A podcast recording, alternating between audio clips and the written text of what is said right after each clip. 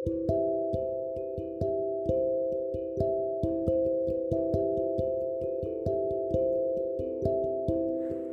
teman-teman semuanya, kenalin nama aku Aisyah Putri Aditya Salsabila dari Offering H Prodi S1 Manajemen. Nah, kali ini aku mau berbagi sedikit nih ke kalian mengenai pemahaman aku tentang teori pertukaran sosial. Beberapa dari kalian pasti ada yang belum paham kan teori pertukaran sosial itu kayak gimana sih? Jadi jangan lupa ya buat simak terus podcast ini sampai habis supaya kalian bisa paham apa sih teori pertukaran sosial itu. Oke, pertama kita bakal bahas dulu tentang pengertian teori pertukaran sosial. Pertukaran sosial itu merupakan sebuah teori ilmu sosial yang berdasarkan gagasan bahwa hubungan dua orang itu diciptakan melalui proses analisa antara biaya dan manfaat. Secara garis besarnya nih bisa digambarkan seperti hubungan yang dilihat berdasarkan untung dan rugi. Pertukaran itu dapat terjadi dalam beberapa bentuk dalam matriks. Yang pertama, pertukaran langsung atau direct exchange, yang mana di mana dua orang saling berbalas pengorbanan dan penghargaan. Yang kedua, pertukaran tergeneralisasi atau generalis exchange yang memiliki pengertian pertukaran di mana timbal balik yang terjadi melibatkan jaringan sosial dan tidak terbatas pada dua individu. Yang terakhir, pertukaran produktif atau productive exchange yang memiliki pengertian pertukaran di mana kedua belah pihak mengalami pengorbanan dan mendapatkan keuntungan secara simultan. Nah, dalam teori pertukaran sosial ini ada tiga unsur utama yang harus kita pahamin dulu nih. Yang pertama ada cost atau biaya, yang kedua ada reward atau imbalan, dan yang ketiga ada profit atau keuntungan. Nah, cost ini memiliki pengertian perilaku seseorang yang dianggap sebagai biaya, entah mengharapkan imbalan atau tidak. Sedangkan reward adalah imbalan terhadap cost. Dari reward yang didapat, seseorang bisa aja mendapatkan keuntungan yang lebih besar dari cost yang dia keluarkan. Nah, keuntungan ini yang kita sebut sebagai profit. Tapi, enggak semua reward yang didapat menghasilkan keuntungan bagi seseorang yang mengeluarkan reward. Loh, kok bisa? Kenapa? Soalnya, dalam pertukaran sosial, seseorang tidak terlalu mengutamakan profit yang banyak. Seseorang hanya menginginkan reward atas cost yang dia keluarkan.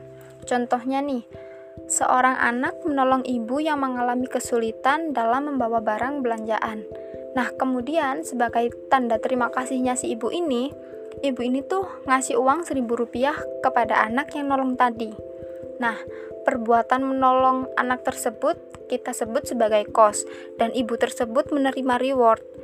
Nah, sebagai umpan baliknya, maka si anak ini mendapatkan reward uang seribu rupiah tadi walaupun mungkin anak tersebut menolong dengan ketulusan.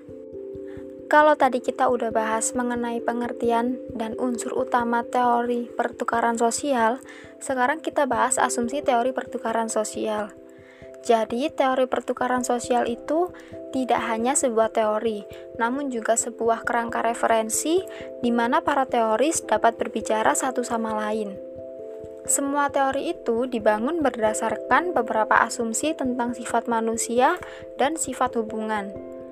Yang termasuk sifat manusia adalah bahwa manusia selalu mencari ganjaran dan menghindari hukuman.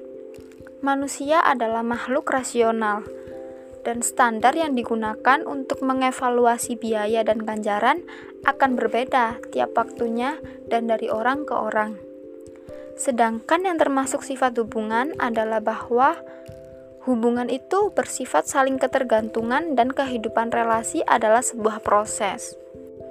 Teori pertukaran sosial ini memiliki kelebihan dan kekurangan. Kelebihannya antara lain yang pertama, teori pertukaran sosial ini sangat sederhana sehingga memungkinkan bagi sebagian besar orang untuk memahami asumsi-asumsi umum yang terkait. Yang kedua, Teori pertukaran sosial ini membantu menjelaskan beragam permasalahan dalam komunikasi keluarga. Yang ketiga, pengetahuan yang baik tentang teori pertukaran sosial dapat memberikan keseimbangan dalam hubungan.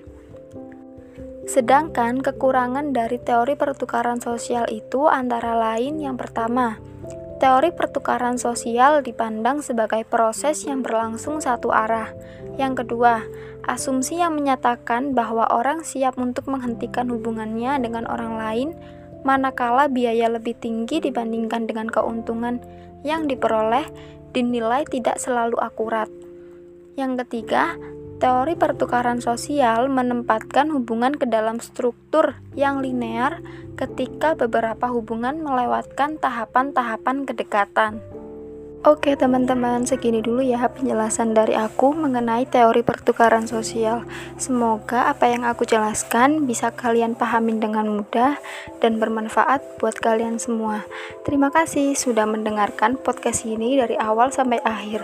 Sampai jumpa di podcast aku yang selanjutnya.